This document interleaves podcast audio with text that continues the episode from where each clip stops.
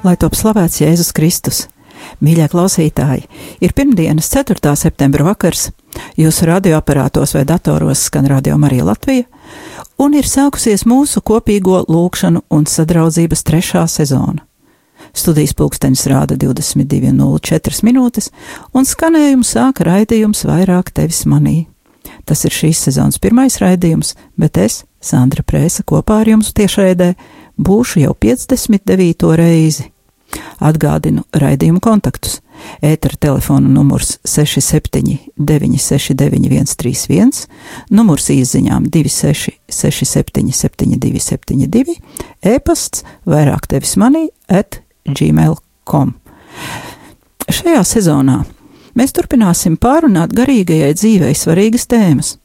Gan teorētiski pētot baznīcas mācību, gan arī mācīsimies no dažādu baznīcas atzītu svēto cilvēku piemēriem, un nevis lai kādu kopētu, bet gan lai šīs zināšanas un svēto dzīves piemērs mums palīdzētu atrast un saprast mūsu katra vienīgo un unikālo ceļu uz svētumu, kas arī ir mūsu dzīves iemesls un galīgais mērķis. Lielāko daļu materiālu es ņemšu no dažādu Dominikāņu ordeņa autoru darbiem, jo šā ordeņa garīgums Latvijā ir mazāk pazīstams, bet, kā jau saprotams no iepriekšējo sezonu raidījumiem, tas slēpj sevī brīnišķīgas garīgās dzīves pērles. Bet tagad, kā vienmēr, sāksim ar lūkšanu. Lūksim visos mūsu pašu un rādījumu arī ziedotāju nodomos, kā arī par svētā Dominika sekotājiem Baltijā un Francijas provincē. Lūksimies par rādījumu arī jauno sezonu, par visiem brīvprātīgajiem, par raidījumu vadītājiem, kuri bez jebkādas materiālas atliecības veltīja savu brīvo laiku raidījumu sagatavošanai un darbam ēterā, jo rādījuma arī darbība ir iespējama vienīgi smeļoties Dieva un jūsu mīlestībā, jo arī mūsu brīvprātīgajiem diennaktī ir tikai 24 stundas maizes darbs, ģimene, draugi, nogurums, slimības un viss pārējais - normāla cilvēka komplekts. Un aizlūksim arī par mirušās Kristīnas dvēseli. Lūksimies! Dieva tēva un dēla un svētā gara vārdā Āmen. Tēvs mūsu, kas esi debesīs, svētīts lai top tavs vārds, lai atnāk tava valstība, tavs prāts, lai notiek kā debesīs, tā arī virs zemes. Mūsu dienascho maizi dod mums šodien, un piedod mums mūsu parādus, kā arī mēs piedodam saviem parādniekiem, un neieved mūsu kārdināšanā, bet atpestī mūs no ļaunā. Āmen! Tā kā raidījums vairāk tevis manī ir veltīts katram labas gribas cilvēkam, kurš meklē to tuvākas attiecības ar trīsvienīgo dievu, šī vakara pārdomas es vēlos sākt ar dziesmu, kura patiesi ir simboliska un pilnībā atbilst raidījuma uzstādījumam, ka Dievs dod kam grib, kad grib, ko grib un kā grib, un nekad nešķiro pēc personas. Svarīgi ir, vai mēs atsaucamies. Paklausīsimies, kā sadziedas Rīgas visvētās trīsvienības draudzes, bērnu un pieaugušo koris.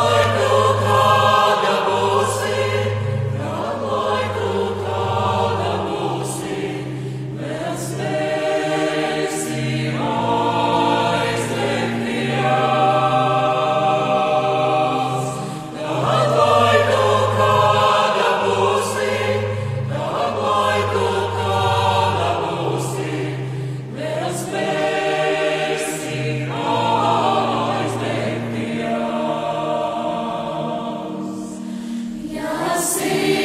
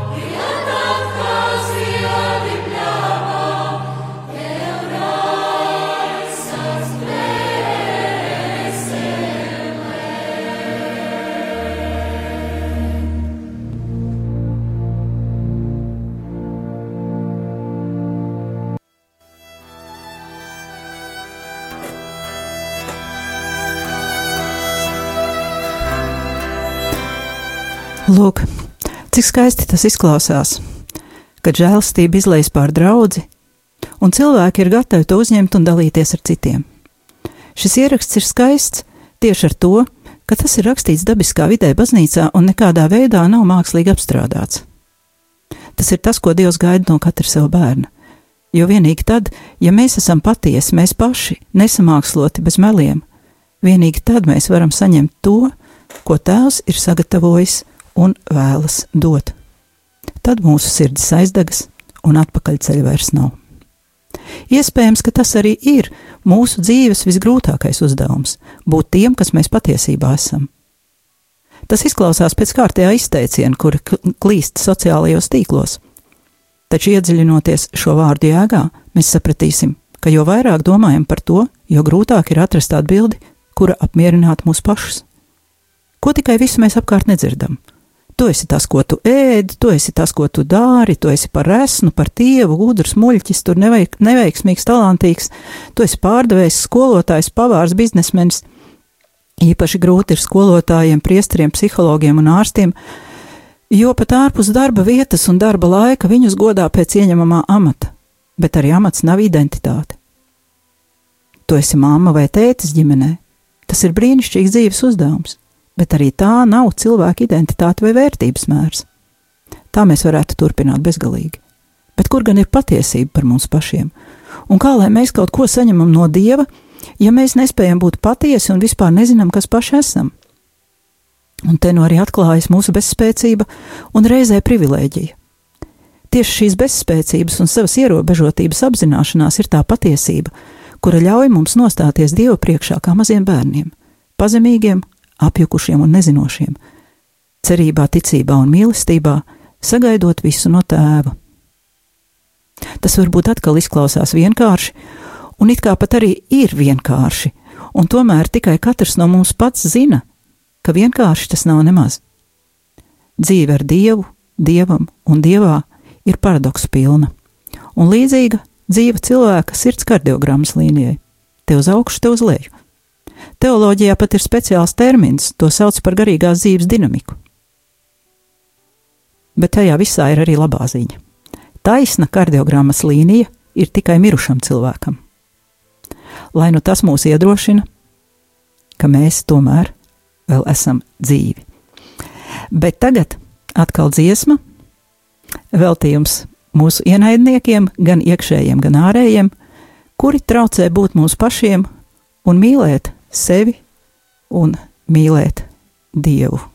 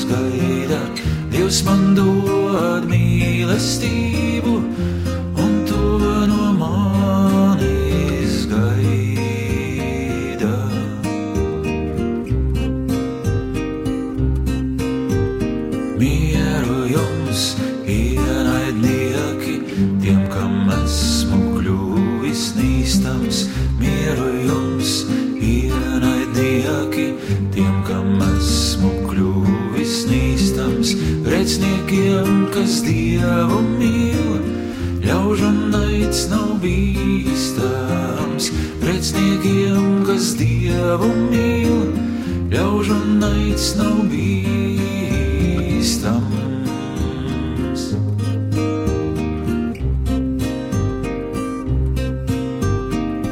Bet, ja kāds dievu ienīst savā aklā, naidas vēlmē, bet, ja kāds dievu ienīst savā aklā, naidas vēlmē, Dievs ir uguns rījotā, sadegt var tās dzelmē. Dievs ir uguns rījotā, sadegtu ar tās dzelmē.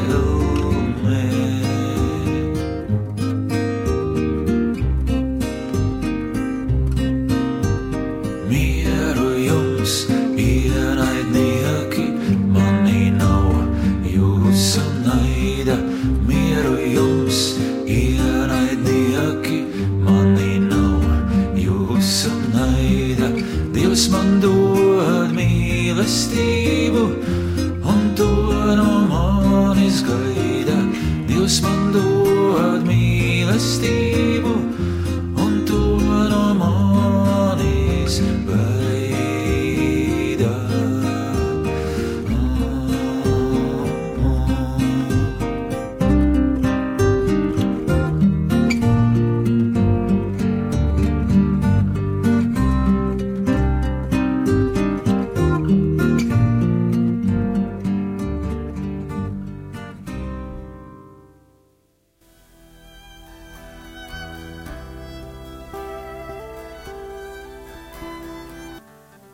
Nu, lūk, kaut ko par sevi jau uzzinājām. Mūsu pirmais uzdevums ir vispirms būt grēciniekiem, kas Dievu mīl, un pēc tam mācīties ar vien labāk saprast, ko tad īsti nozīmē mīlēt Dievu. Iepriekšējo divu sezonu raidījumos mēs jau mēģinājām saprast, kas tad ir cilvēks, un arī šajā sezonā turpināsim pētīt gan baznīcas dokumentus, gan praktiskas lietas, ar kurām saskaramies mēs paši, vai arī citi kristieši, gan personīgajā garīgajā dzīvē, gan arī draudzes dzīvē. Šo to pamācīsimies arī no brāļiem pareizticīgajiem un anglikāņiem, jo viņi drosmīgāk runā par problēmām, par kurām katoliskajā baznīcā šobrīd uzdrošinās runāt vienīgi pāvests Francisks. Es ļoti negribētu, ka mūsu kopīgie vakari pārvērstos par dažādu kristīgās dzīves negāciju apspriešanu, tāpēc centīšos raidījumos sabalansēt sāpīgos un grūtos jautājumus ar iedvesmojošiem stāstiem no svēto dzīvēm, no pāvesta Franciska un citu teologu mācības, kuras mūs varētu vadīt un atbalstīt mūsu garīgajos meklējumos un īpaši grūtību brīžos. Tomēr nesaucot negācijas to īstajos vārdos, mēs attālinamies no patiesības. Jo patiesība nekad nav tikai balta, vai pelēka, vai melna, bet gan balta un pelēka, un melna, un vēl arī krāsaina, vienlaicīgi. Visdažādākajās nokrāsās, ne tikai 50, kā populārajā grāmatā un filmā. Un katra krāsa ir jāsauc tās īstajā vārdā. Pārprastā pozitīvā domāšana, kādu šodien bieži vien pieprasa cilvēki, kuri nevēlas risināt problēmas, īstenībā vairo melus un liek mums dzīvot pelēkajā zonā. Mēs nedrīkstam ignorēt ļaunuma eksistenci tieši tikpat lielā mērā, kā ignorēt labā klātbūtni. Baznīcas mācība par pēdējo tiesu un elli nav atcelta. Mēs nevaram būt un arī neesam pasīvi vērotāji, mēs esam aktīvi, līdzdarbīgi un atbildīgi. Gribam mēs to pieņemt vai nē? Cilvēkiem ir dota ļoti liela brīvība pašiem veidot savu dzīvi un arī uzņemties atbildību par to. Nevainosim ne dievu, ne vēlnu paši savās muļķībās. Turklāt Dievs nekad nedarbojas kā Dievs ex machina. Tas nozīmē, ka viņš neiejaucas ar pārdabiskiem brīnumiem, lai apturētu kārtējo cilvēku stulbumu izraisīto katastrofu. Tomēr viņš, kā jau mīlošs tēvs, visu vada uz labu. Kā liecina Jēnas Katrīna kādā no vīzijām, Dievs viņu esot mierinājis ar vārdiem: Neuztraucies, mana meita, gan debesis, gan elle, viss ir manā plaukstā. Tādēļ dziedāsim, aleluja, slavas dziesmu mūsu Dievam!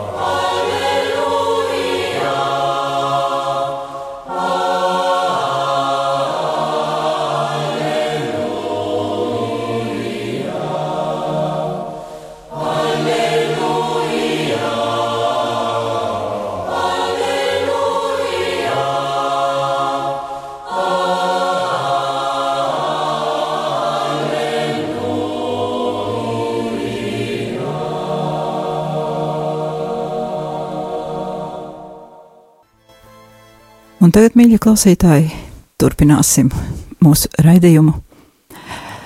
Pagājušajā gadā izdevniecība Zvaigzne izdeva pārsteidzoši daudz grāmatu, kuras ir sarakstījuši pasaulē slaveni katoļu teologi, kuri, diemžēl, nevienmēr sludina tā, kā māca baznīca. Kādreiz katoļi ar lepnumu varēja apgalvot, ka katoliskās baznīcas mācība ir vienīgā, kur runā patiesība, ka tā ir vispilnīgākā, un cilvēki, lasot katoļu teologu darbus, pilnīgi droši atradīs pareizo ceļu pretī mūžībai. Šī patiesība attiecībā uz baznīcas mācību vēl joprojām ir spēkā, taču pēcpatiesības laikmetā, kā mūsu laiku dēvē filozofi, šo patiesību kļūst arvien grūtāk noturēt un nepazaudēt. Šobrīd, lasot mūsdienu katoļu teologu darbus, vairs nav nekādas garantijas, ka mēs tajos nesastapsim rupjas herēzes, kuras izriet no nenobrieduša un domāt neraduša prāta, neskatoties uz daža teologa diezgan cienījamo vecumu. Lai gan herēzes ir bijušas visos laikos, un katoliskās baznīcas mācība vienmēr ir pastāvējusi dažādu citu ticību, mācību un novirzienu vidū, un, kā zināms, nemitīgi arī vajāta, Mūsdienās arvien grūtāk kļūst atšķirt patiesību no puspatiesībām, vai pat no klajiem meliem. Tas neatiecas tikai uz medijiem un sociālajiem tīkliem, kuros troļļi un fake news, jeb izfantazētās ziņas, jau ir kļuvuši par neatņemumu šīs pasaules daļu. Šobrīd jebkurš, kas spēj piesaistīt labu mārketinga speciālistu un finansējumu, var izdot grāmatas, kurās pretendē uz kādas jaunas garīgas patiesības atklāšanu.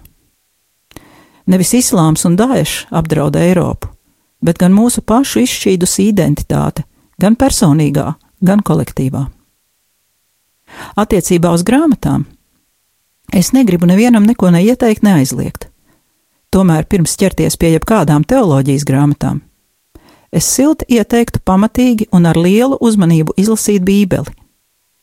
Un tiešām Bībeli nevis tikai mieram tuvu, kurā ir svēto rakstu fragmenti katoliskās baznīcas katehismu un pieejamā attālumā turēt arī otrā Vatikāna koncila dokumentu krājumu, kas ir iznācis latviski. Šīs grāmatas maksā dārgi, bet Bībele un katehisms ir brīvi pieejami internetā, un noteikti visas šīs grāmatas var atrast bibliotekā pilnīgi par brīvu. Bez pamata zināšanām ir ļoti viegli iekrist fantāzijās un nonākt visisādi jocīgu ideju varā. Tāpat šajā gadā tika izdota arī Jura Rubeņa pretrunīgi vērtētā grāmata Viņš un viņa, kurā autors, būdams luterāņu mācītājs, pārsteidzošā kārtā neatsaucas visus luterāņu autoriem, bet gan uz dzenbudismu un liberālu katoļu teologu darbiem.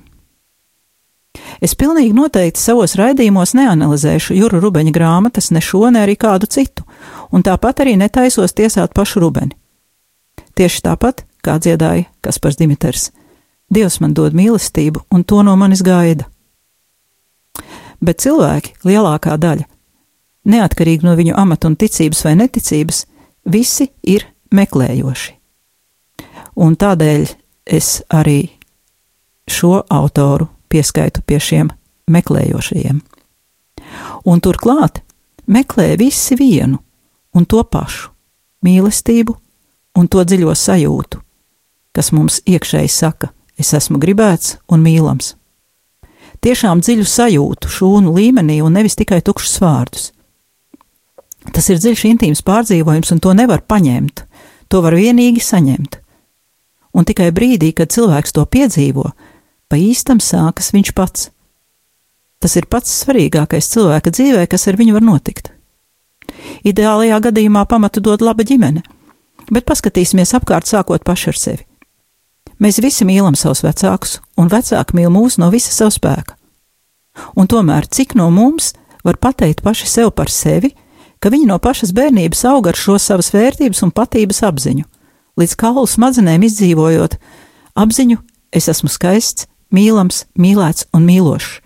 Es nebaidos no neveiksmēm, jo tās negrauj manu vērtību, tās ir tikai kļūdas, no kurām es varu mācīties. Es saprotu, ka viss ir manu lēmumu rezultāts, un ka mana laime ir manās rokās.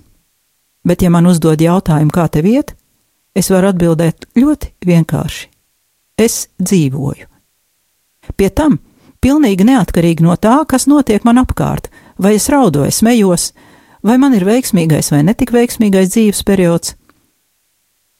Neskatoties ne uz ko, sirds dziļumos skan maiga melodija, un pašos dziļumos ir klusa un salda laimes sajūta. Pat sāpes un zaudējumi kļūst saldi, lai gan sāp var būt tā, ka nevar vārdos izteikt, bet sirdī nekad nav rūkuma. Kurš no mums par sevi var kaut ko līdzīgu pateikt? Es nerunāju šeit par kaut kādiem īsiem pozitīvu emociju mirkļiem, bet par dziļu pamata nostādni, kura vienkārši ir un kura nezūd pat smagākajos pārbaudījumu brīžos. Bet lūdzu uzmanību! Es šeit nerunāju par mazohismu, es nerunāju par baudas gūšanu no sāpēm un ciešanām, jo, diemžēl, pastāv arī tāda herēze, kura nav nesaskaņā ar baznīcas mācību, ne ar veselo saprātu. Bet par herēzēm mēs šovakar nerunāsim, varbūt par to parunāsim kādā citā reizē. Bet tagad es vēlos nolasīt 63. psalma vārdus. Dievs, mans Dievs, tu esi, es meklēju tevi no agra rīta, pēc tevis slāpst mana dvēsele, mana miesa ilgojas pēc tevis, kā izkaltusi savas zeme bez ūdens. Un mēs redzam, ka arī psalmists runā nevien par dvēseli kā kaut kādu garīguma vietu, bet viņš saka, pēc tevis slāpst mana dvēsele, un mana miesa ilgojas pēc tevis kā izkaltusi sausa zeme bez ūdens. Tas nozīmē, ka gan miesa, gan dvēsele, kā mēs zinām, ir ļoti būtiskas un tikai abas kopā veido cilvēku. Un tāpēc šajā sezonā es jūs, mīļie klausītāji, aicinu doties kopīgā piedzīvojumā. Mēs visi kopā meklēsim ceļu, kā mums iemīlēt Dievu nevis tikai ar vārdiem vai teoriju, bet gan ar visu dvēseli un miesu, tā lai šī mīlestība iziet caur mums kā elektriskā strāva un maina pašu mūsu būtību. Kādreiz, kad cisterciešu priesteris Daniels Sančs viesojās Latvijā, viņš izteica ārkārtīgi drosmīgu domu. Arī seksu šopu apmeklētāji patiesībā meklē to pašu mīlestību. Tikai viņi ir apjukuši un meklē nepareizā vietā. Un ja mani pašlaik klausās kāds, kam nav sveši šie seksa rotaļlietu veikali, pornogrāfija, alkohols un citi līdzīgi brīvā laika pavadīšanas veidi, pagaidām es varu pateikt jums tikai, jūs esat mīlēti. Es zinu, ka šobrīd tas izklausās kā skaļa frāze bez seguma, jo mīlestība ir jāpiedzīvo, un jāpiedzīvo cilvēkam saprotamā veidā, nevien caur prātu, bet arī ķermeņa sajūtās. Es šeit nedomāju tikai seksu, jo šīs sajūtas bez ciešām un atbildības pilnām attiecībām, kuras var būt tikai dievsvētītā laulībā, bieži vien, nu jāsaka visbiežāk, nes līdzi sāpīgu vilšanos un tukšumu sajūtu. Ceļš uz to mīlestību, pēc kuras mēs visi ilgojamies, visbiežāk ir samērā ilgs laika izteiksmē, jo katrs ievainojums, kur esam saņēmuši apziņas un pat zemapziņas līmenī, ir atstājis nospiedumu miesā, un tieši no miesas šo sāpīgo pieredzi dabūt ārā ir visgrūtāk. Un tas ir iemesls, kādēļ mēs tik bieži krītam atpakaļ un atkārtojam darbības, kuras mums nenes labumu, lai gan mēs ar prātu pavisam labi saprotam, ka to darīt nevajadzētu. Tādēļ turpmākajos raidījumos mēs mēģināsim meklēt risinājumus, skarot apziņas līmeni, bet katra mūsu virsuzdevums ir mēģināt saņemt tās atziņas, iedzīvināt savās miesas izpausmēs. Tāpēc aicinu nevien mehāniski noklausīties informāciju un pieņemt zināšanai, bet, ja kaut kas jūs ir uzrunājis, ļaujiet tam iziet caur sevi.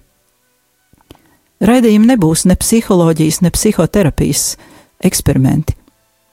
Es runāšu par to, ko māca baznīca. Par cilvēku, par dievu un par cilvēku un dieva sadarbību visas dzīves garumā. Bet, ja gadījumā kaut kas no tā, ko jūs dzirdat, izklausīsies pēc herēzes, pārbaudiet. Jums ir Bībele, katehisms un baznīcas dokumentu krājums, lai pārbaudītu katru apšaubāmo domu vai izteicienu, lai kur jūs to arī neatrastu. Pārbaudiet, diskutējiet, strīdaties un meklējiet patiesību. Bet šovakar ir pienācis laiks atvadīties. Paldies, ka klausījāties! Izskan raidījums vairāk tevis manī, un es, Sandra Preisa, atvados no jums līdz nākamajai pirmdienai.